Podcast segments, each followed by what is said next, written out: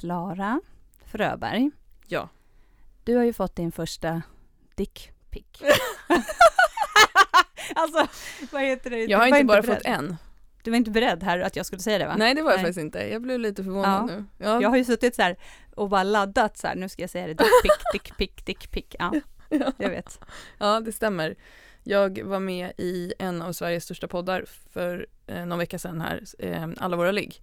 Och eh, det var jätteroligt och eh, var inbjuden för att prata om knipträning. Och vi pratade ganska mycket om urinläckage och sådana sexiga Det var ett saker. jättebra avsnitt, du var grym. Ja, tack. Det var lite nervös för jag kände ju eh, när jag gick därifrån att jag hade, för mitt liksom tips om knipträning är ju att göra det när man onanerar. För då slår man liksom flera flugor i en smäll, så blir det också lite roligt och härligt. Eh, och så kände jag när jag gick därifrån att jag också hade pratat om min egen onani. Typ att du onanerar eller kniptränar varje dag, Ja. menar du? Ja.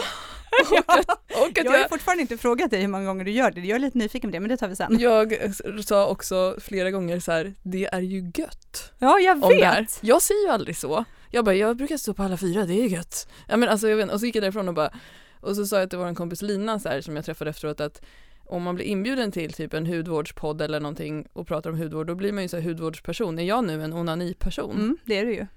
Nej. Eh, och så hade jag lite ångest över det ett tag, men sen släppte jag det när jag lyssnade på det, för då tänkte jag, ja men det här var ju faktiskt bra. Men Det var ett jättebra avsnitt tycker jag och du är professionell och du blandar det med din egna onani, det är helt fantastiskt. jag tänker så här, ta det ett steg till. Men det har ju också lett till, och det tror jag är så här, tyvärr så kan jag tänka mig att varenda kvinna som är med i den här podden, den är alltså, de har 100 000 lyssnare i veckan. Jag tror att alla som är med i den podden får det här efteråt. De har många följare på Instagram också. Men det som har hänt är ju att det här har ju dragit in en släng med perversa människor i mitt Instagram Mm. som båda har kommenterat på gamla, alltså folk har så gått in och tittat på gamla inlägg och kommenterat min rumpa.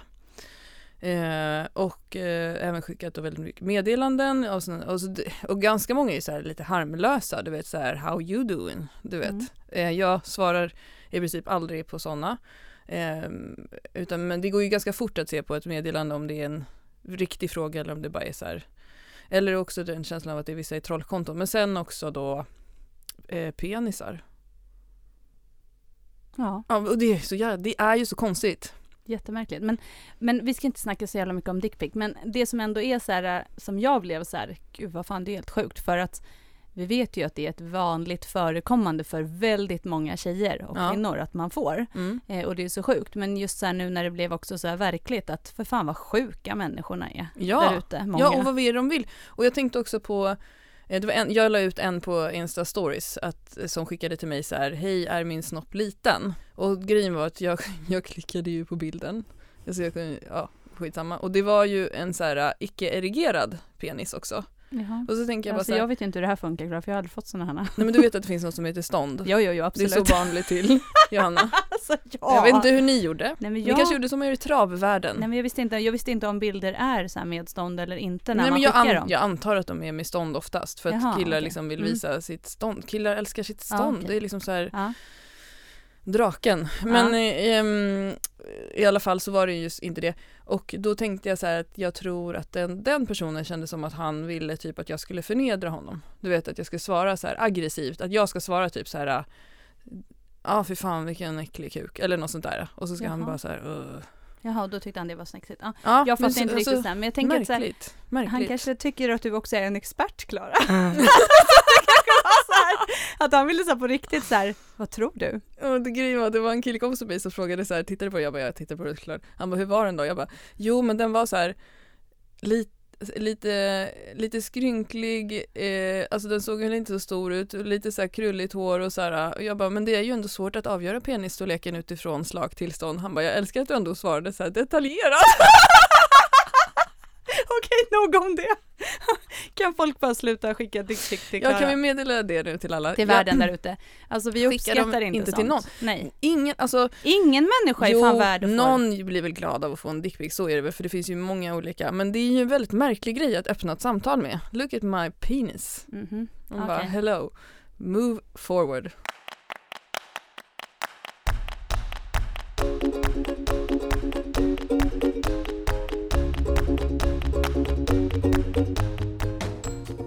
Kul, välkommen till podden om träning. Men eh, ska vi prata om träning eller? För jag har en annan rolig sak som jag tänkte att vi skulle prata om också. Och det är ju det här med att The Glute Guy, guy har brutit röven. Det är ju för sig jättemärkligt. Men du kan ju inte sitta och skratta, fattar du? Det kanske gör jätteont. Hur bryter man röven? Jag vet, men det är så roligt för det är ju så här The Glute Guy på Instagram, det är Brett Contreras. Han är ju känd som mannen som har tagit liksom, övningen hip thrust ut i världen, alltså höftlyft mot bänk med skivstång. Han har även en maskin som heter The Hip Thrust, han har hur många följare som helst på Instagram. Han har ett, la, eller ett gym som heter The Glute Lab. Ehm, och följer man honom så får man 50 000 rumpor i Insta-stories varje dag. Väldigt mycket kvinnliga rumpor i olika vinklar som Exakt. har växt så brutalt mycket. Eh, fast ja. de är också lite olika vinklar när bilderna är tagna och olika ljus och olika kläder på sig. Men, Exakt. Ja. Mm. ja. Han har ju då i alla fall fått en ruptur i gluteus maximus. Okej, okay. stod det hur den uppkom? Ja, och då var det faktiskt så att han hade tränat eh, med en infektion i kroppen. Mm-hmm. Så han hade tränat ganska lätt vikt vad jag förstod, typ kroppsvikt eller så och thrustat loss eh, och inte riktigt känt efter. Och sen hade han fått lite ont.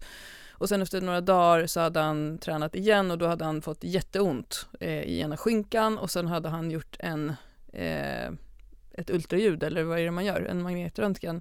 Och sett då att han hade flera rupturer på gluteus maximus. Och det är såklart att det är jättehemskt men det är också jävligt roligt att eh, The Glute Guy har fått en rövskada. Och jag messade Daniel Richter när jag såg det här på Styrkelabbet och skrev så här, det här får inte hända oss Daniel. Vi är faktiskt rumpambassadörer nu med rumpboken, så ta det lite lugnt med trustandet. ja, det är så underbart. Ja, men det var en, det var en härlig parentes eh, i denna världsbild med dickpics. Skvaller i träningsvärlden. Men eh, träningsvärlden då, hur, hur har det gått med, för dig Johanna med återkomsten till, till träningen efter the flu? Det återkomst. Eh, jo men fantastiskt, jag har ju gjort ett eh, gäng pass nu. Eh, mitt första pass eh, var ju ehm, brutalt för mig att göra. Jag eh, har ju sagt nu att eh, någon vecka ut här, februari ut har jag sagt framförallt egentligen, att jag inte ska gå på någon programmering utan att jag ska köra eh, jag kommer göra basövningar och sånt och lite blandat. Eh, och jag kommer också testa lite bålpass ifrån vårt kommande bålprogram. Mm. Eh, och innan det kommer vidare i sin utveckling. Eh, men just att liksom göra utan att reflektera så mycket och framförallt bara så här göra rörelsen. För det är ju så, jag har inte knäböjt liksom på typ nästan tre och en halv vecka det känns ju konstigt. Det är klart att jag inte har gått och tappat allt jag har på tre och en halv vecka, men tre och en halv vecka är ändå ganska länge. Mm. Så, men jag har liksom, jag känner ändå så att när jag får köra igång att ju mer jag gör andra saker, det vill säga att jag inte gör mina fyror till exempel då, eh, så lägger jag inte så mycket värdering i vikterna utan jag bara gör. Så mm. allt som är annorlunda mot vad jag brukar göra gör för mig att det är lättare mentalt att genomföra det. Mm. Så, så mitt första pass var ju så här tre triset, alltså tre, tre block egentligen med tre övningar i varje block. Bam, bam, bam, vila, bam, bam, bam, vila, tre mm. varv. Eh, och sen en avslutning som var helt brutal. Eh, jag garvade, alltså jag garvade Du måste ju ha hatat det här för du tycker att allting över sex repetitioner är typ eh, hemskt. Ja, och det minsta var ju sex repetitioner. Så ja, det var ju mycket mer. Tre, men tre på raken utan vila. Mm, det var jättegalet. Men som sagt, jag, jag gjorde ju också mina lyft på brutalt lätt, mycket lättare vikter än vad jag har tränat på också och vad jag skulle gjort de här övningarna på om det hade varit för tre och en halv vecka sedan liksom. Mm. Även om jag hade gjort triset. Alltså, så att jag, jag la verkligen nollvärdering i det. Men det som var härligt och som jag gjorde en reflektion av eh, när jag körde det här uh, triset, trisetten, eh, passet, är ju också att eh, syftet var inte att det skulle vara svintungt för benen. Utan syftet var att jag skulle jobba med bålen. Och då blir det ju också någonting annat mot att när jag gör mina tunga knäböj så är det ju så här, ja det är klart att det är jobbigt för bålen för att bålen är högst involverad och avgörande faktor i mina knäböj. Men då är det också jobbigt i benen och det blir mm. jobbigt på ett annat sätt. Nu var det verkligen så här, shit, det brinner i hela tunnan liksom. Och framförallt mm. i magen för mig. För eh, jag fick jobba extremt mycket med den när jag gjorde till exempel excentriska åttor i Serche squat jag hade ju inte så mycket vikt liksom, så det är det som var skillnaden, för jag gör inte excentriska åttor annars, jag har inget att relatera till. Nej. Så lite så, men det känns skitkul, jag är jättepepp. Eh, det var en jättetröskel att kliva över att åka till gymmet, för jag kände verkligen bara så här, hur fan ska det här gå? Men, eh, och sen efter det har jag kört lite bänk, planlöst, eh, och kände också så här, ja, det var tyngre såklart, mm. men bara köra lite och sen lite bodybuilding efteråt. Bara sådär. Så det känns jättekul och jag är superpepp och eh, jobbar ju eh, mycket med eh, det som jag ska köra sen fram till serie 2 och eh, såklart SM som jag ska kvala till. Så Mm. nu är det ju klart att nu är det S- eh, SM är ju mitt mål i sommar, så är det bara, dit ska jag. Så nu är det mer bara vägen dit och hur jag ska tänka kring eftersom jag ska, måste kvala då på serie 2 som är ungefär en och en halv månad innan, ja inte riktigt en och en halv månad innan SM. Nu är du lite modfälld efter att ha varit sjuk så länge. Och det brukar ju vara så att några pass känns lite tröga när man kommer tillbaka. Men jag tror att det kommer gå snabbare än vad du, det låter lite när du pratar nu som att du är så här, nu kommer det vara så här en period. Och eh, jag ska köra det här utan plan och så vidare ganska länge. Men jag tror att du ganska fort kommer känna att, att det känns lättare och lättare. Och då kommer du bara kunna hoppa på ditt gamla, din gamla plan igen. Ja, jo, absolut så är det ju. Det, men det är, alltid, det är ju alltid tufft mentalt. För att nu också, det är en sak, alltså jag har ju varit sjuk tidigare liksom och eh, haft en break i träningen, men det som är skillnaden nu är att jag verkligen liksom har legat så länge eh, så att det också har varit så här att kroppen känns lite trög att komma igång. Jo, men apropå det här med sengångare. alltså jag måste ju göra någon typ av rättelse från förra avsnittet. Ett Eh, uttalande. Ett uttalande, för det här har ju liksom, det har ju gått bananas. Jag som är våran social media manager har fått Ja. hantera det här nu Johanna. Det är Ja. ungefär som när kungen la ut att Victoria och. Daniel skulle eh, förlova sig. Men det har ju liksom det har ju kommit in väldigt mycket starka åsikter efter ditt uttalande att Timon i Lejonkungen är en sengångare. Jag vet, och jag vet inte liksom, för det roliga i det här var ju att du var ju såhär, han är ju värsta pigga Ja. lilla figuren och jag bara nej, nej, nej, han är en sengångare. Och ehm, det har ju varit många som har skickat så här att typ för din information Mm. så är han en surikat. Och, eh, det är, och den här sengångaren då som jag såg framför mig egentligen, Mm. blandade ihop lite med, är ju, är ju från So- Zootropolis Ja. den här kaninpolisen. Eh, där som är, sitter på den här statliga typ myndigheten och ska Jag så här, älskar den. Ja, så jäkla fantastiskt. Och den har jag ju sett hur många gånger som helst den filmen. och det var barn. den du tänkte på eller? Ja, Du, för mina barn älskar den filmen. Men jag vet inte, jag blandade liksom ihop, för det var ju Mm. så jag såg mig själv. Fast Sjukt jag, sen, tänk- seg Lejonkungen om Timon skulle hoppa går som en sengångare hela Ja. den filmen. Den där sengångaren i Zootropolis är ju bara med en gång. ja, men han är ju helt fantastisk, hon, han, hen. Ja. Alltså, vad heter det, och, i, och, och när vi, jag berättade det här för mina barn, att liksom jag hade sagt så här och så. mm. Och alltså Moa, hon, min äldsta, som då fattade liksom skillnaden i det Mm. här, eh, hon började ju garva, alltså hon skrattade så mycket och bara, alltså mamma du är så knäpp och så här, det var helt så här. Men så att alltså, okej, jag kände mig som en sengångare Mm. och det var inte en surikat och det var inte Timona, så jag blandade ihop dem. Men nu känner jag mig lite mer som eh, eh, surikaten där. Nu börjar jag känna liksom att jag kommer ikapp. Lite Eh. som Pumba kanske, ja som liksom lufsar på. Ja, jag kämpar på.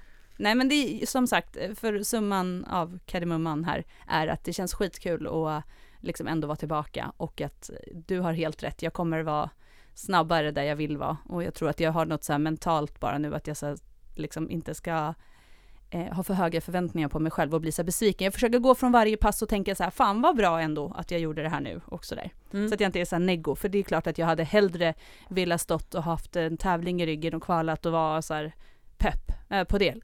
Men nu Mm. är det inte så. Så att ja, men det känns ändå bra och jag är, nu tycker jag att det är skitkul att, att köra. Så Mm. det får bli. Men eh, jag är pepp på att dra igång eh, min satsning igen. Hakuna Matata. Hur, hur känns din träning? Eh, men bra, just i dagarna så är jag lite, som hörs, jag har lite sån här tupp i halsen. Kråka? Ja precis, jag, jag har någon sån här eh, heshet. Det kan ha varit för att jag har, har varit på någon slags eh, festresa i södra Sverige. Jag kan meddela att det är vår i Helsingborg. Jättefin stad, verkligen. Jag har varit där och turat. Men nej, det är inte det. Jag är lite krasslig så jag tränar inte så mycket den här veckan alls. Men nästa vecka har jag bestämt mig för att jag ska maxa i böj. Jag har, beställt, jag har beställt värmare. Det är så jävla roligt. Det är som inför din, din testtävling, prova på när du gick bananas. Men det är, den, då ska jag vara med. Jag är jävligt pepp här nu att du ska, du ska fan mig böja mer än vad du har gjort tidigare. Ja men det är det jag tänker. Om jag, för att jag gjorde ju eh, 10 stycken ettor på 97,5 procent av Ja. mitt max. Du så har, då är ju inte det mitt max. Nej.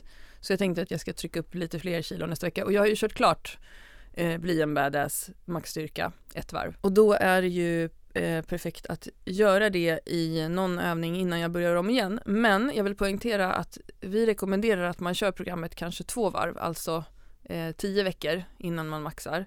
Eh, varför jag ska maxa i böj är ju för att det uppenbarligen inte är rätt max som jag kör efter. Så att jag ska ta reda på det. Jag kommer inte göra maxlyft i marklyft eller bänkpress för de har jag känt när jag har kört programmet. Dels marklyft har jag ju aldrig ens kört två gånger i veckan förut och eh, gjorde kanske sex gånger totalt på hela förra året. Och bänken känner jag att jag ligger väldigt eh, mycket där jag ska göra. Sista veckan i badass maxstyrka, eller fjärde veckan så gör man ju singlar, ska man göra singlar på mellan 90 och 95 procent och det var då jag upptäckte att böjen var för lätta. Men i de andra lyften så hamnade jag på 93 procent och kände i båda lyften att här är det eh, stopp idag. Så att de tänker jag bara fortsätta köra med dem ett RM som är inställda i programmet. Mm. Ja men det blir grymt, så får du också lite nya procent att jobba på, eller nya, nya vikter på de procenten. Exakt, procenten. Ja, procenten. Ja men det känns kul. Mm. Spännande att se. Ja. Mot nya vikter.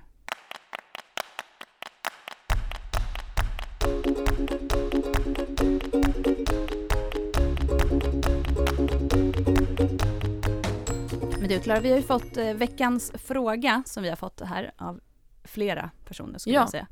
Är ju hur blir man av med sitt papppsyke? Ja, frågan har väl riktats till mig efter att jag gjorde de där tio singlarna i böj och hänvisade till mitt papppsyke. Och papppsyke är ju någonting som jag har blivit kallad av våran admin i våran Facebook, Facebookgrupp, Anna Mandalaya Åberg, för att hon ofta är på mig att jag är lat och inte vågar, att jag inte har psyke att pusha mig själv över gränsen när det gäller min egen träning. Um, vilket jag tycker att jag har blivit lite bättre på då. Men det har gjort att många har frågat om det här, hur man gör för att bli av med sitt papppsyke. Och eh, en sak som jag tänker på är att om det är så att man känner att man är rädd till exempel för att maxa i böj. Att det känns lite läskigt att ha en tung vikt på ryggen och göra en etta. Så tänker jag att man behöver absolut inte göra det för att bli av med sitt papppsyke. Men en sak man kan göra är att göra andra typer av träning där man känner att man pushar sig själv lite hårdare än vad man annars skulle ha gjort. Jag till exempel kan relatera till att haka på i crossfiten och göra den typen av träning som jag egentligen är alldeles för lat för, inte ser något syfte med och tycker är, verkar jättejobbigt. Ehm, jag pratade med Anders som är en av eh, medlemmarna i Crossfit-tåget igår. Han berättade för mig att hela hans anledning till varför han kör Crossfit-tåget, alltså varför han tränar med de andra, är för att varje dag eh, utmana eh, sin rädsla och nervositet inför passet. Varje gång när han går dit och ska köra så tänker han så här, tänk om inte jag klarar det här. Och sen efteråt så lever han på endorfinerna av att han gjorde det.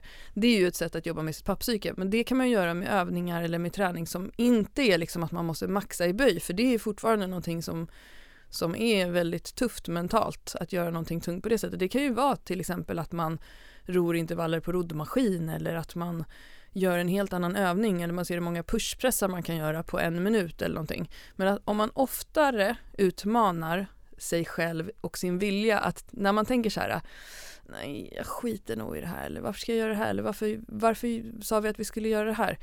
Att, att man då gör det lite hela tiden så kan man ta med sig det in sen i sina maxlyft för att man har lärt sig själv att jobba med de sakerna och vet att ah, men det är nu när jag reagerar så här, min flyktkänsla drar igång, eh, då går jag in i det här, det betyder att jag kan lite till. Eh, och så kommer, kommer man ta bort tröskeln för det. Jag tänker också att vi pratade i torsdags om klusterreps. Mm. Att, eh, att det är också ett sätt att, eh, att just göra flera tynga, tynga, tunga repetitioner fast du ändå inte är uppe på dina maxlyftsvikter. Mm. Så att just utmana sig på det sättet men man får ändå ladda om och känna att man har, har det med sig på ett annat sätt. Så jag tänker det skulle också kunna vara ett sätt Mm. att jobba med det. Eh, men det är ju, jag tänker också att jag som inte lider av pappsyke tänkte jag säga, men jag tror att pappsyke också är lite olika delar. För att ehm, när det gäller till exempel att lyfta tungt och göra så här tunga repetitioner, där för mig själv, om jag relaterar till mig, så har jag liksom, där har jag inget problem. Men att jag skulle ställa mig och köra ett sånt galet pass, Mm. det krävs ju mer av mig eh, rent mentalt. Att säga ja till en sån grej. Det beror ju på vilken arena du känner ja, dig trygg med. precis. Så jag menar, man har ju kanske pappsyke på olika olika Ja. arenor och just därför som du säger att hittar du någonstans där du ändå känner att du har lättare att övervinna det Mm. så kan du skapa en känsla och ta med dig. Men framför allt så tror jag att det handlar om att träna. Är det just eh, att göra tunga böj eller maxa i bänk som är eh, läskigt eller som man, man känner att när man ska göra det helt plötsligt så gör man inte alls lika tungt som man kanske borde för i förhållande till vad man har tränat på. Mm. Så är det ju också just att våga vara uppe på tyngre vikter utan att maxa. Det handlar ju också om att träna sitt sitt nervsystem och sin Mm. hjärna att våga att göra det. Så det handlar kanske inte om att man måste göra maxlyft men att ändå göra tyngre lyft en period. Lite som när du gjorde här för, förra sommaren att du gjorde upp till en tung, en tung, eh, tungt lyft utan att få ett maxlyft. Mm. Att lite så här vänja kroppen och eh, testa lite och känna att man får lite boost och självförtroende i sina lyft. Mm. För många gånger tycker jag i alla fall när vi träffar kvinnor på till exempel våra eh, workshops eller lyftardagar eller helger och sådär. Så är det många som säger, åh jag skulle så gärna vilja göra ett maxlyft nu när ni är med och man har någon som, man, jag tränar så ofta själv och så här, det är en trygghet i att någon kan stå och Mm. passa och sådär. Och då är det ju många som gör extremt mycket högre eh, eh, tyngre lyft än vad de gör annars och är så här chockade över att de kanske har fått ett nytt PB på 20 kilo. Det är ju inte för att de har blivit 20 kilo starkare för att vi är med utan det är för att de vågar. Mm. Så jag tror också att just det här att våga eh, sakta men säkert jobba upp sin vikt och göra färre repetitioner och få testa, att det är också ett sätt att övervinna det. Ja, och sen tänker jag också att så här, eh, någonting som jag brukar tänka när det gäller hela livet, det, kan det är ju liksom yrkeslivet, privatlivet, vad som helst. Det är ju det här, eh, om andra människor kan, varför skulle inte jag kunna? Alltså det är ju ingen skillnad på dem som går in på SM i styrkelyft och tar i. Det är ju lika tungt för dem som det är för dig på träningen när du ska maxa.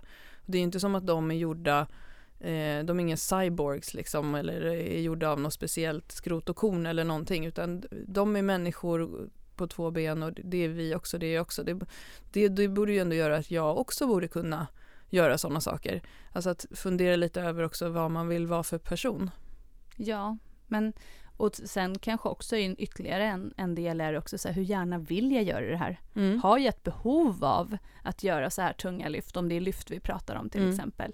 Är det verkligen någonting som jag brinner för så mycket eller är det lite skitsamma? Mm. För att det handlar ju väldigt mycket om vad, vad det är jag vill och hur mycket värde sätter jag i det där. Det kanske inte egentligen är så viktigt, vilket gör också att jag känner att varför ska jag göra det? Mm. Så det, kanske, det kan ju ha många aspekter, men jag tror absolut att på något sätt, eh, som du sa, man säger två saker som så här, två punkter. An, utsätt dig för eh, att utmana ditt pappsyke där du känner dig tryggare eller där du har lättare för att ta ut dig. Mm. Ta med den känslan. Eller träna på att jobba på tyngre vikter om det gäller lyften, utan att gå upp till maxlyft. Men gör det oftare under en period för Mm. att känna att du får med det. Det är väl egentligen två, två vägar. Ja, men det, är ju värsta superplanen om man gör båda dem samtidigt. Då kommer man ju bli värsta krigpersonen som klarar allting, känns det som. Men, men allvarligt talat, hur ofta de senaste åren har du och jag tränat med den inställningen som Crossfit-tåget har? Att så här, varje dag när jag ska göra mitt träningspass så tänker jag, kommer det här att gå? För mig var det så till exempel för två, tre år sedan när jag testade att klättra en del. Då var jag så här, jag hatar det här, jag hatar det här, jag hatar det här, jag hatar det här, jag hatar det här, jag är så rädd, jag är så rädd, jag är så rädd, jag är så rädd inför varje gång och jag minns första gången jag klättrade upp hela vägen på en vägg och sen ner och jag minns att jag fick så här skrämseldiarré efteråt, alltså jag hade så mycket adrenalin i kroppen. Alltså så, är ju, så tränar ju du och jag aldrig Johanna. Nej, alltså jag skulle inte, jag, ut, jag gör inte det, nej. Men jag, jag är lite så här, jag ser ju ingen vinning i det. Alltså nu pratar jag bara utifrån mig själv. Men jag tänker just det här som du pratar om med SM och allting, tror du inte att det kan finnas en vinning i att jobba lite med mental träning på det sättet inför en stor prestation? Fast för mig handlar det om att jag redan, när jag jobbar med mina sådana prestationer, om jag tittar tillbaka på alla mina år i, med tävlande och om man så här matcher. och, Hockey och ja. Ja, och också jag vet så väl när jag, eh, när jag sökte till gladiatorerna, eh, när jag gjorde mina fystester, alltså så bra resultat som jag hade då. Jag hade ju liksom i min, min, de grupperna jag var så var jag så att det var ju liksom bland de bättre. Eh, jag vet att Mikaela Kellner var bättre än mig, hon gjorde 47 chins, hon var i chins-SM, jag gjorde 20 Mm. bland annat och lite annat också. Eh, alltså just det här att jag hade ju redan när jag gick in på den där arenan bestämt mig för att idag gör jag 20 chins, jag kommer göra minst, eh, vad var det, 35 toast to bar. I ringar, alltså, eller to, eh, toaster rings där, med, de var ju kippade och så, men skitsamma. Mm. Jag hade liksom en så tydlig bild, för mig var det ju mer att nu ska jag gå in och göra det som jag har förberett mig på. Mm. Och det är lite så är min inställning i styrkelyft också, att jag har ju redan jag har redan visualiserat det här när jag gör mitt marklyft och har kvalat till SM. Alltså det, det har jag redan gjort i huvudet flera gånger. När jag står Ja. på flaket, då handlar det mer bara om att jag ska få det på papper. Alltså, så jag tror att mycket handlar ju också om vad man har för mindset och hur man tänker, hur man ser sig själv i sådana här situationer. Mm. Och det var, det- det var ju en stor besvikelse för mig just nu när jag inte kunde tävla nu i serie 1 för att jag blev sjuk. Mm. Det, jag har ju redan sett mig själv stå på det där flaket. Alltså det var ju så någonstans, så liksom, jag skulle ju bara göra det sista nu för att få papper på att jag har gjort det. Mm. Eh, så tr- det är också så här, för mig är tävlingen, det är inte något skrämmande, utan för mig handlar det mer om att så här, sätta en bock på att jag har gjort det jag ska. Mm. Och just som sport, styrkelyft, så känns den ju väldigt så kalkylerande. Den är ju så långt ifrån ett crossfit-tåg som man kan komma överhuvudtaget. Definitivt. För det är så här, du ska göra en ingångsvikt som du har bestämt, du ska göra ett andra lyft som du har bestämt. Du kanske kommer lyfta lite mer i det tredje, men det finns i ditt Excel-ark en kalkylerad graf där du kanske kommer följa det hit eller dit om man jämför med till exempel mina barns pappa som håller på med brottning, där du aldrig kan veta för du ska möta någon som du inte har en aning om vad den ska göra. Liksom. Eh, det för mig är ju skräck. Men, så jag, för, jag förstår hur du menar men det vore ju skönt om du kunde ta ditt, din psyke och paketera en burk och sälja till folk. För det, folk skulle ju må mycket bättre om de gick runt så. Det är ju något, jag har ju också jobbat med mental träning när jag under den tiden jag spelar hockey. Det vill säga, jag har ju suttit liksom brutit ihop på matcher också. Det är inte så att jag alltid har haft det.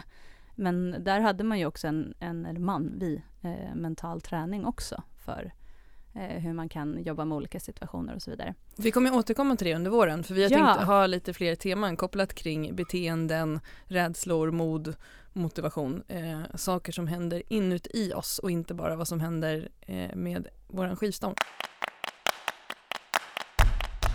Men nu ska vi prata om lite annat. Johanna Barvelid, vad säger du om jag säger hälsobollar eller fitnessfika? Är det någonting som du blir så här peppad och sugen på? Varför inte? Ja, men jag är, fan, liksom jag kan bara känna så här, om du vill fika, fika.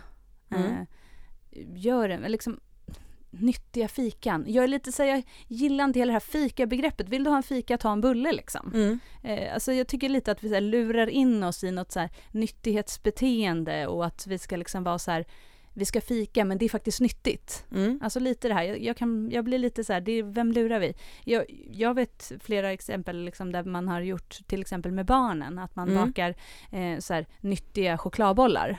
För Ja. att det är så här dadlar och grejer, vilket, okej nu kommer folk säkert bli skitsura om det är asmycket socker i dadlar liksom. Eh, ja. Eh, det är fruktsocker, det är inte vitt socker, men skitsamma, det är asmycket socker i alla fall. Det som jag vill komma till är att om du gör såna här fitnessbollar eller vad det nu heter, Mm. och så äter barnen det och så får de fika. De fattar ju inte skillnaden och jag tror att det handlar mycket mer om ett beteende än att det handlar om att vi har nyttiga bollar. Så ja, ja, ät varför ska det fikas hela tiden? Är det inte det? exakt. Och, och en just det semla här, om du vill ha en semla liksom. Ja, ät en vanlig jävla semla. Alltså vi människor befinner oss i en tid idag där vi vill att allting ska gå så himla fort och att vi också ska ha rätt till allting när vi vill ha det hela tiden. Och det ska fikas hela tiden. Och om vi ska träna så ska vi också hitta ett nytt sätt att träna som ingen annan förut har kommit på. För det finns säkert ett helt nytt sätt att träna som är jätteenkelt där du kan stå på en vibrationsplatta som gymmet där jag bor står på skyltarna utanför. Att 15 minuter på vibrationsplattan är lika mycket som två träningspass för din kropp. För att vi hela tiden försöker hitta så här enkla lösningar på någonting som egentligen i grund och botten handlar om att finns det så enkla lösningar så är det antagligen bullshit. Men folk vägrar liksom att inse det och just det där med fikan, varför jag frågar dig om det är för att jag vet att du blir så jäkla provocerad av just den här grejen att just det här, vad skickar vi för signaler till våra barn om vi hela tiden vill ska fika, nummer ett, och nummer två, att fikan, att säga till dem att den är nyttig. Varför måste barnen lära sig att en- en stund som ska vara speciell och festlig eh, också måste vara nyttig? Det är lite som att så här, vi firar din födelsedag varje dag med lite tråkigare presenter, för det är ju ändå bra, det är en, vi måste ju fira den, men vi måste ändå fira den på ett vettigt sätt som inte gör att, vi, att det blir dåligt för oss. Men gud, nu, och det här skulle man ju verkligen också kunna ha ett helt avsnitt om och Ja. jag tror vi har väl haft det också. Men, och jag vet att vi har, har ju också haft eh, Sofia som gäst. Sofia Lind, Ja. dietist. Hübinette, Lind Hübinette som är Mm. dietist. Och då pratar vi just om det här med belöning och varför Mm. ska alltid belöning vara det söta och vi ska ha en mysig kväll, då ska vi ha en viss liksom, addering till det. Mm. Att det är så mycket an- alltså det är så mycket som spelar in i hela den här Ja, belöning, fitness, fika. Eh, alltså så att det blir så stor grej. Jag gillar inte det. Jag är så här, ja, vi kan ta en fika med våra barn och då tar vi och äter något. Det kan vara glass och det kan vara en semla eller vad som helst. Men jag tror så här, vi lägger så jäkla mycket värdering i allting och det ska vara så nyttigt och det ska vara så blommigt och det ska vara så fint och det ska vara så piffigt Mm. och, och sådär. Och jag tycker det, det fallerar lite i att säga att det är så här nyttigt för att någonstans om man ska vara rent krasst, om vi pratar nyttigt nu, nu Mm. hör ni hur upprörd jag blir, jag blir alltid upprörd. Så tittar man på så här kalorimängd så har förmodligen den andra jävla chokladbollen mindre kalorier än vad den här fitnessbollen har. Ja, så kan det ju Och då bara blir jag bara, jag blir bara lite så här, äh, använd inte ordet nyttigt, för det är också så här, jag vill inte, jag vill att mina barn ska ha en så här skön inställning till Kalas. Ja men äh, jag och kalas eller överhuvudtaget så här, är jag lite sugen på fika och tar en fika så gör jag det. Då måste jag inte så här, skuldbelägga att jag ska ha ett Exakt. nyttigt fika. Alltså, Exakt. Ja jag vet inte, Ja, jag men blir väldigt som, upprörd. Ja, det är det som blir problemet i hela den här, alltså det har ju blivit någon slags tankevurpa och nu om jag är ännu mera krass, kanske folk också tycker det är jätteupprört, så är det ju så här, tittar vi runt omkring oss i samhället så är det så här, ett, vi, vi rör på oss för lite, två, när vi rör på oss så tar vi inte i tillräckligt mycket, tre, vi fikar hela jävla tiden. Alltså förlåt, men det är ju ett problem. Alltså det är som att vi inte så här, vi försöker hitta hela tiden ett sätt att komma undan det och det gör väldigt många idag genom att just göra hälsobollar eller vad fan det är, gud vad jag svär nu, Mm, eller köper så här eh, kokböcker med någon slags ny diet. Det kan vara blodgruppsdiet, det kan vara Atkins diet, det kan vara eh, inte vet jag, kimchi och kombucha var det någon som tipsade om i vår Facebookgrupp när jag gick in och bara halli hallå, sånt här håller vi inte på med här mot immu- för immunförsvaret. Alltså vi håller på och graspar efter någonting där sanningen är så här ta i lite mer, rör på dig lite mer och käka en vanlig jävla semla. Ja men, ja men och då kommer vi ju ändå till det här, för nu känns det som att vi är så här arga på alla här. Men då kommer vi ändå till det som faktiskt har varit uppe på tapeten och som många har poddat om, som vi ska ha våran bild över, eller som vi ska prata om lite ur, Mm. ur vårt perspektiv och våra tankar. Men just det här att hur fan ska man veta då? För att jag är helt säker på Mm. eh, att jag i alla fall utifrån min erfarenhet, Mm. jag tror att du håller med mig här, så många kostdagböcker och eh, kvinnor som jag har liksom kosthjälpt, alltså som, där vi har tittat på kost och jobbat med kost, ur olika perspektiv. Det kan vara både uppgång, viktnedgång och så vidare. Skitsamma, men Mm. alltså där vi har kosten. Där just de här fenomenen, att man har så här, men jag har läst att hon har skrivit Ja. som är, ja, men hon är ju så här duktig med det här och hon har gjort det här och hon har rekommenderat det här och hon har Mm. sagt att det här sockret är bättre än något annat socker. Och de här, den här boken som jag har läst, den säger att så här är det visst. Ja. Eh, då är det ju ändå lite så, hur fasen ska jag veta vad jag kan tro på? Ja, och det där är ju verkligen jättesvårt och som du säger så ska vi prata lite om det här med källkritik idag. Varför vi tar upp det är för att det var en debattartikel i DN Debatt som kom ifrån några forskare som forskar i muskelfysiologi på KI eh, som skrev en artikel där de menade, de yrkar på att man bör införa någon slags granskningsinstans för just böcker inom hälsa och kost. För att det finns väldigt många sådana böcker, typ de här som vi pratar om nu som handlar om så här clean eating och sådana där saker som det inte finns stöd för inom vetenskapen idag eh, att det faktiskt eh, stämmer det de säger men som också står på faktaavdelningen bland Mm. litteratur. Och man kan se bara till exempel i Svenska Dagbladet som har, som de kallar för kostexperter, är ju personer som eh, som skriver, som har just, eh, de kallar sig för food pharmacy och skriver jättemycket om det här med att man ska äta en ren kost och genomsläpplig tarm och bakterier och citron, dricka citronvatten på morgonen för att känna sig fräsch och sådana här saker. Och där man, det är ju såklart att det inte är lätt för en vanlig människa som läser svenskan och tänker att det är en seriös tidning och när det står kostexpert då hur man ska förhålla sig till det. Eh, och sen egentligen, vi, vi är inte så intresserade av att diskutera ifall det bör finnas en statlig instans som granskar det här för det känns som att det är politik. Eh, och det är inte det som vi är intresserade av. Men däremot just det här eh, hur vanligt det är att helt vanliga vettiga människor idag går på det här med trams. Men det kan man ju se tillbaka historiskt sett jättelänge. Kommer du ihåg man pratade om när våra föräldrar var, var unga. Nu är det lite skillnad mellan dina och mina föräldrar i åldersmässigt men så fanns det ju så här apelsin, grapefruktdieten då skulle man äta en grapefrukt om dagen. Sen har det ju funnits så här jättemånga tider när man har försökt att, alltså, ta knark för att gå ner i vikt, sådana saker. Man har tagit bantningstabletter. Eh, alltså det här med reglera vikt och sånt under den senare moderna tiden av människan. Alltså jakten på dieter har ju funnits länge och det är någonting som har blivit, eh, vad ska man säga, helt normalt. Det är väl det som är grejen kan jag tycka lite grann också, att det är så här vanliga människor med vanliga liv, vanliga jobb eh, som, som hela tiden försöker hitta en lösning i hur de ska må lite bättre genom eh, en kortsiktig idé. Och just hur ska de förhålla sig till alla de här sakerna som sköljs över? Om man går in och tittar på Jakob Gudiol som jag tycker är en jätteduktig person just på grund av att han också eh, lyfter fram olika argument och olika vinklar inom forskningen och ibland också kan säga så här, nu har man ändrat sig kring det här, nu säger man inte så längre. Vi ändrar ju hela tiden också i samhället våra rekommendationer kring hur vi ska leva och vad som ska få oss att må bättre. Men det man kan se också i hans kommentarsfält är ju väldigt mycket det här att eh, folk går in och säger så men den här personen som är professor eller den här personen som är läkare eller den här personen säger att eh, det här funkar eller det här funkar inte och det är ju oerhört svårt att som privatperson sålla bland allt det här.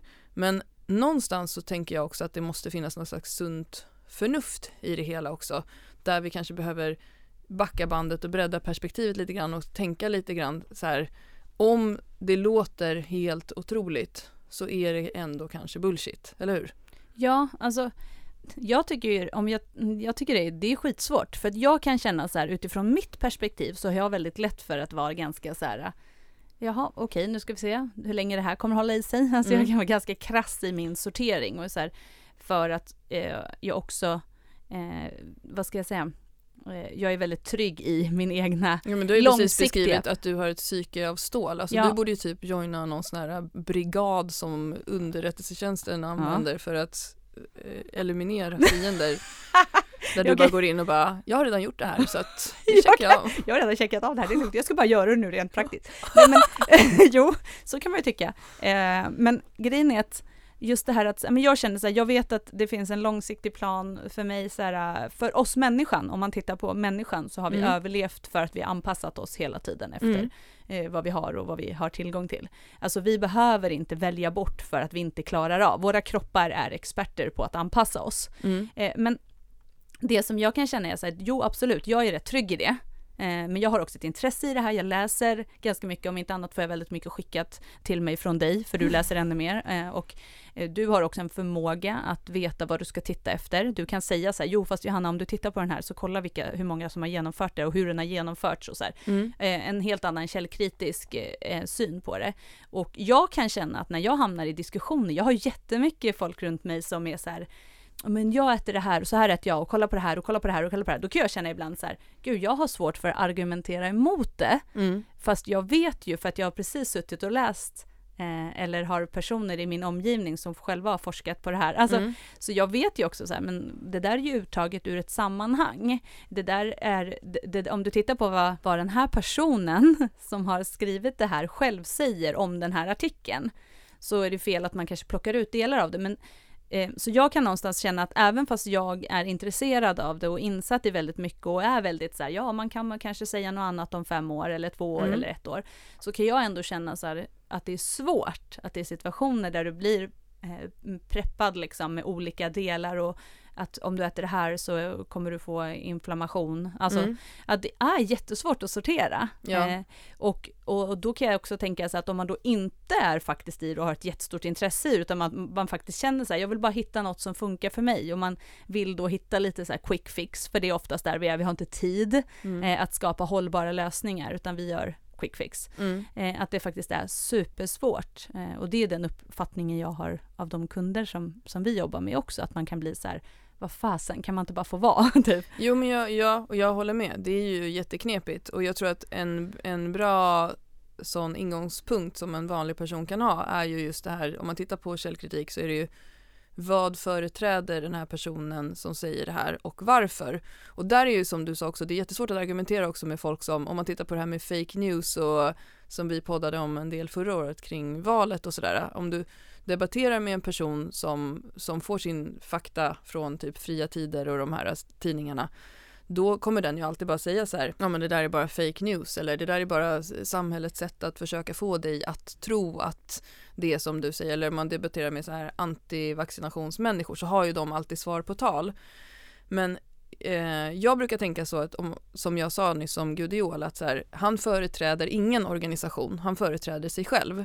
Eh, och han företräder ingen rörelse, ingen diet, ingen bok som han vill att man ska köpa som handlar om en viss typ av livsstil. Eh, jag har alltid varit så att jag drar åt mig öronen kring allting som handlar om att det är en typ av livsstil eller en viss diet eller en viss sport. Där det är så här att man måste vara på ett visst sätt för att passa in. Och om man börjar där någonstans så börjar man kanske tänka ta ett steg tillbaka och tänka lite mer källkritiskt. Och det finns ju någonting som kallas för argument from authority som är eh, inte vårt fel att vi fungerar så för vårt samhälle har alltid varit uppbyggt kring att vi har lyssnat på kyrkan, vad kyrkan har sagt när de har bestämt. Vi har lyssnat på kungen, vad kungen har sagt när de har bestämt. När en person med en legitimation eller en typ av auktoritet, typ en läkare eller någonting, säger någonting så upplever vi att den personen har mer tyngd för vad den säger för att den har den här typen av av eh, bakgrund. Det är väldigt vanligt att vi eh, lätt hamnar i den tankevurpan själva.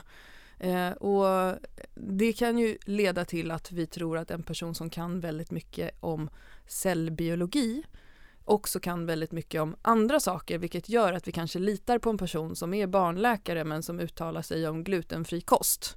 Att vi automatiskt köper argument från den personen för att den är eh, barnläkare. Men det man ska tänka på då är eh, försöka gå till botten med vad är det den här personen pratar om, inte vem det är som pratar. Och det där tror jag väldigt ofta eh, är ett typ av misstag eller en tankevurpa som vi vanliga människor gör när vi försöker ta in information och det är ju också så media är uppbyggt väldigt mycket att experter uttalar sig. Media älskar att säga att experter uttalar sig. Eh, vi skulle ju säkert kunna vara med i media och, och uttala oss som rumpexperter Johanna för vi har skrivit en bok i frågan Däremot så tror jag att det är Sveriges träningsbok med mest eh, referenser till forskningen som finns. Så den kan man gärna få stoppa i faktahyllan eh, tycker jag när man pratar om det här. Men det är också så att när man tittar på, vi tittade på en undersökning från Nordicom eh, vid Göteborgs universitet som intervjuade gymnasieelever. Eh, det här var bara någon månad sedan, så intervjuade de 483 gymnasieelever om hur bra de själva eh, trodde de var på att identifiera fake news. De fick alltså titta i vanliga nyhetsmagasin eh, och se om de kunde skilja vanliga nyheter eh, från reklam. Och då var det, ska vi se, det var så mycket som 68% sa att de är bra eller mycket bra på att faktagranska. Eh, och 70% sa att de var bra eller mycket bra på att söka information. Men sen när de fick testas för det här så var det hela 88% som misslyckades att skilja nyheter från reklam till exempel. För att det är skitsvårt. Ja. Och då är ändå liksom, jag ska säga gymnasieelever, det är liksom ändå eh, generationen under oss. Att mm. jag, vi kan ändå så här, någonstans har vi hamnat i hela den här grejen. Ja. Att jag tänker de som växer upp nu har, är liksom, hela deras eh, äldre liv har varit med att man får information på så många sätt. 2018 så infördes det i grundskolan, Exakt. i läroplanen, att alla måste läsa källkritik. Ja, så, och det är ju ett ganska tydligt tecken på såklart att vi lever i en förändrad värld. Liksom, mm. För när jag, vi satt så satt man ju med uppslagsverk, alltså på låg och mellanstadiet ja. och liksom läste om typ någon jäkla djur på geografin. När jag, skrev, eh, när jag gjorde specialarbete, eller jag gjorde inte specialarbete för jag var lite så värsting i gymnasiet, men då tog de precis bort det året jag gick att man inte fick skriva ordet eller så här, internet som faktakälla. Mm, ja, just det. Alltså vet du vad, ska jag berätta då apropå det, vad jag gjorde mitt specialarbete om? Det kan ändå vara lite intressant i den här podden med tanke på hur, hur jag har framstått. Mm. Sexuellt överförbara sjukdomar. Va? jag vet! Skojar du? Nej, det gjorde jag inte. Varför då? Jag vet inte. Nej men alltså det var så här, jag vet inte, det var väl mycket på tapeten liksom eller något.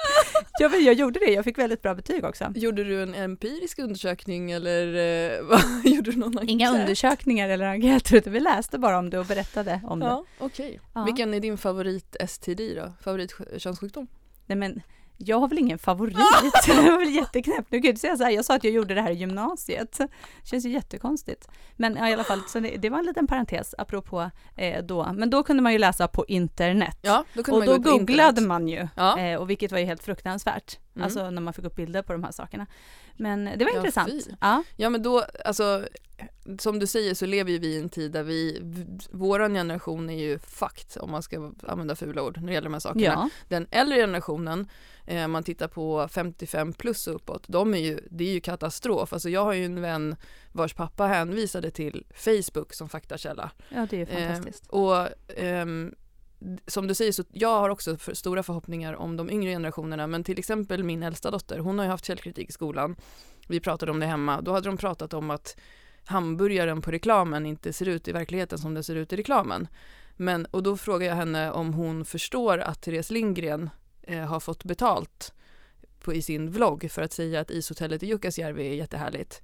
Eh, och det fattar hon ju inte alls vad jag menade. Alltså det är ju så här, hon, de, eh, min yngsta dotter som är sju, hon följer ju någon sån här tjej som heter typ Crazy Lina eller någonting på Youtube som berättar om konspirationsteorier där hon pratar om så Illuminati och, och det är såna här historier som är så här en man i eh, Kanada gick ut på gatan och blev bortrövad av fyra andra män och sen visade det sig att han egentligen var en prins, alltså vet sånt där. Och det sitter ju hon och bara tycker är jättespännande. Parentes. Eh, Ja, nej men alltså Ja. om vi pratar om källkritik så är det ju det ser ju jätteolika ut för generationerna men det, det finns ju en, en stor utmaning i allt det här. Och om man tittar på de här fake news-personerna som gärna vill säga då att så här Ja men Jakob Gudiol, du är bara ute efter LCHF-människor för att vi som äter LCHF vet att det är rätt. Eller som det brukar se ut i hans kommentarsfält och sådär. Så är, handlar det ju ändå om på något sätt att vi måste ju också acceptera, tror jag, den världsbild vi lever i. Eh, och kanske just se den ur ett lite större perspektiv. Och eh, Emma Frans eh, som jag tycker är ascool som skriver mycket om så här, är det sant eller falskt? Eh, och är forskare men också skriver roliga, jätteroliga saker på Instagram. Om man inte följer henne så gör det. Hon eh, svarade på kritiken av vetenskapsmän i en debattartikel där hon skrev så här, vetenskap är en samling metoder, en verktygslåda som används för att systematiskt studera, förklara och organisera kunskap om universum. Inom vetenskapen formuleras testbara hypoteser som undersöks med hjälp av de bäst lämpade verktygen. Om en hypotes falsifieras så ska den förkastas oavsett vad vi tror. Och det är ju lite det som vetenskapen är. Alltså det är viktigt att poängtera att vetenskapen är ju inte en absolut sanning. Och om två år så kanske de här sakerna som handlade, den här debattartikeln handlade om där de också punktade så här att de här sakerna stämmer inte. Alla de här kostböckerna som finns till exempel om att vi kan bota eh, Sjukdomar. svåra sjukdomar med hjälp av våran kost. Idag, vad forskningen visar idag, så har man hittat vissa samband på vissa ställen men man kan inte idag säga eh, att exakt så här är det. Men om fem år så kanske du och jag kommer säga så här, ta inte skivstången, it's dangerous, you're gonna die. Kanske vi säger att man ska stå på en matta med nio siffror på och skutta runt.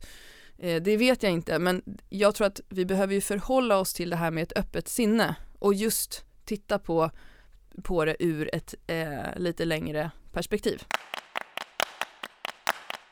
Okej, men det här är ju ändå, det känns ju väldigt eh, härligt Klara, för det ju, gör ju ännu att det är ännu svårare. För det är precis det vi sitter och säger nu är ju att det inte är så jävla lätt eh, att veta vem man ska tro på. Nej, Eh, och speciellt om man försöker hitta någonting eh, att också hänga upp sig på eller att liksom jag kan också tänka så här, fast jag blir lite så frustrerad, för jag har inget problem med att man, om man vill äta LCHF till exempel, Mm. alltså om vi går till, liksom, till en, så gör det. Om du tycker att det fungerar för dig och du mår bra, gör det.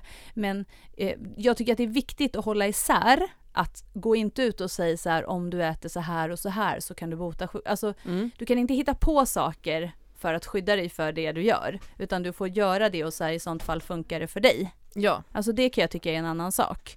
ja. Eh, men, men det finns inte något som, man kan liksom inte bara så här, sälja på saker som det inte finns en sanning bakom. Nej, och jag håller med. Och det var lite det jag menade också med det här att Alltså det finns jättemycket saker säkert som är bra med LCHF eller eh, sån här äh, basisk eh, kost eller vad fasen folk håller på med. Man får ju plocka russinen ur kakan men just om man tittar på vilka personer som företräder saker. Om jag ser en person som argumenterar för ett ämne och som brinner för det ämnet och det är det ämnet som den personen håller på med.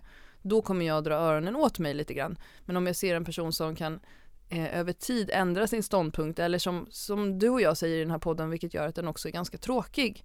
Det beror på eller för vem och i vilket syfte. Eh, det är ju någonting som jag mycket hellre eh, med positiva, positiv inställning kan förhålla eh, mig till. Men om man tittar på dig och mig Johanna så har vi ju egentligen ingen auktoritet. Vi har ingen högskoleexamen inom träning, kost och hälsa utan vi har läst privata kurser och sen har vi byggt på med andra saker. Vi är ju verkligen inte någon auktoritet inom området på det sättet. Vi är en auktoritet inom området för att vi har en stor plattform där många lyssnar på oss. Men just du och jag är ju väldigt försiktiga och ödmjuka just av den anledningen med att peka med hela handen och säga så här är det, så här är det inte, ät den här dieten, träna på det här sättet. Eh, det är just den typen av så här svart eller vitt tänkande som gör att eh, folk blir ännu mer eh, förvirrade. Och jag tror att jättemånga skulle må bra av att bara typ logga ut från de sociala kanalerna om man känner sig stressad kring det här med kost, träning och hälsa. Alltså just för om man känner sig osäker på sin egen ståndpunkt och vad man ska eh, vad man ska lita på. Du och jag är ju väldigt så, ät potatis och ät vanlig mat har vi sagt tusen gånger, så får vi jättemycket frågor så här, men vad är vanlig mat?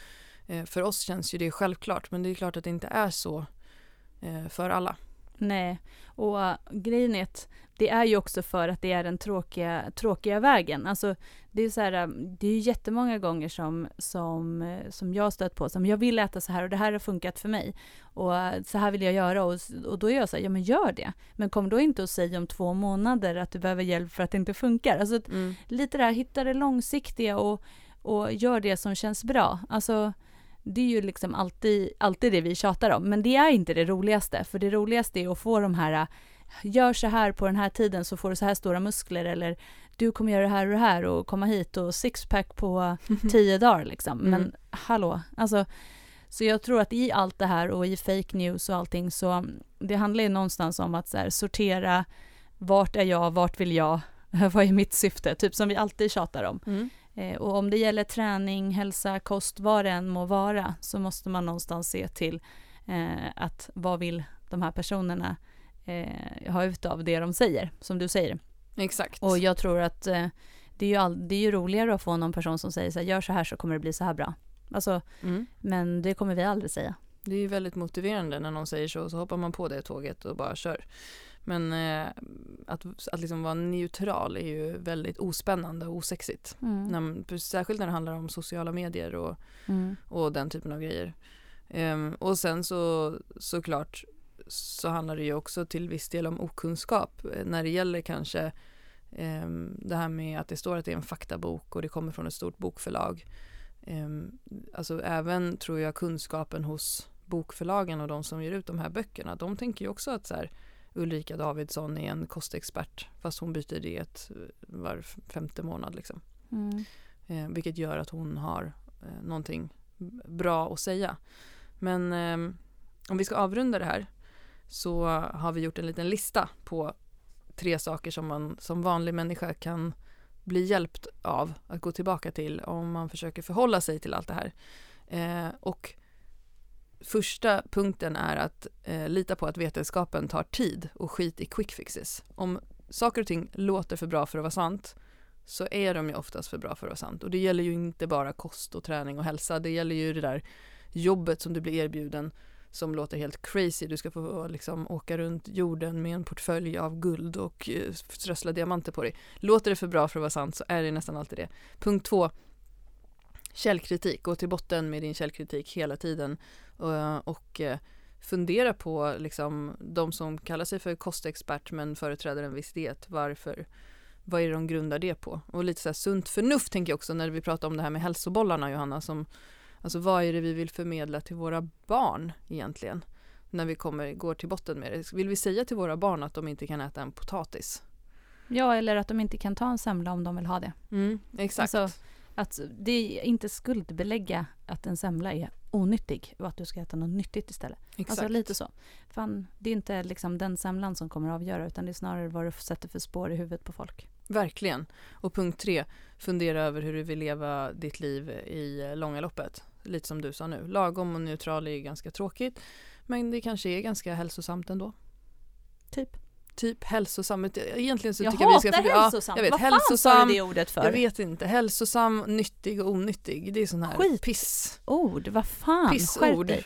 Ja, verkligen. Neutral och tråkig, punkt slut. Neutral och tråkig. Läs Johanna Barvelits specialarbete om könssjukdomar.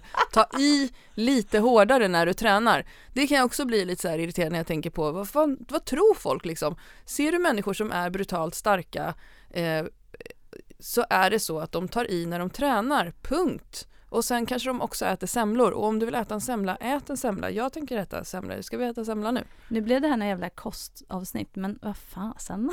Det får bli så ibland. Jag känner att det här med eh, skräpmat, eh, kost, eh, nyttig fika och sånt. Jag tror, vi får ju ofta väldigt mycket åsikter, tankar och känslor om det. Vi kanske ska göra ett helt avsnitt av det någon gång, vi får se. Mm, Om vi härligt. vågar, om vi vågar öppna Pandoras ask. Ja, jag får alltid så mycket skit när jag säger så. Jag säger, jag är ju alltid så här, vad fan, ät, ta bort den här jävla guldkanten och ät och må bra liksom. Ja. jag bara, du ja, jag har ju faktiskt kostregistrerat min mat till dig nu Klara, Mm. här i några dagar. Eh, för att jag känner mig så himla sliten och trött här efter att jag hade varit sjuk och så insåg vi ganska snabbt att så här, jag har inte kommit upp i min normala kost liksom, som jag Nej. har. Eh, jag har typ knappt ätit, jag har inte ätit gröt när jag varit sjuk och så här, jag har alltid gjort det förut så. Men nu är jag tillbaka. Men, eh, och då var det så roligt också när jag skickade och du bara, har du sås på maten? Ja. Mina barn har ju typ revolutionerat, revolutionerat, gjort en revolution hemma, att de vill ha sås till laxen och potatisen. Så efter mycket om och men nu så har jag faktiskt flera gånger nu lagat lax med sås. Ja, men de kanske inte alltid får sås på sin torra lax, men de får i alla fall ingen jäkla hälsoboll hemma hos dig. Nej, jag kommer aldrig, jag kommer aldrig eh, köpa nyttiga hälsobollar. Nej. Eller baka hälsobollar heller. Bra. Check på det då. Ha det bra då, så vi hörs, vi igen på torsdag. Japp. Hej. Puss.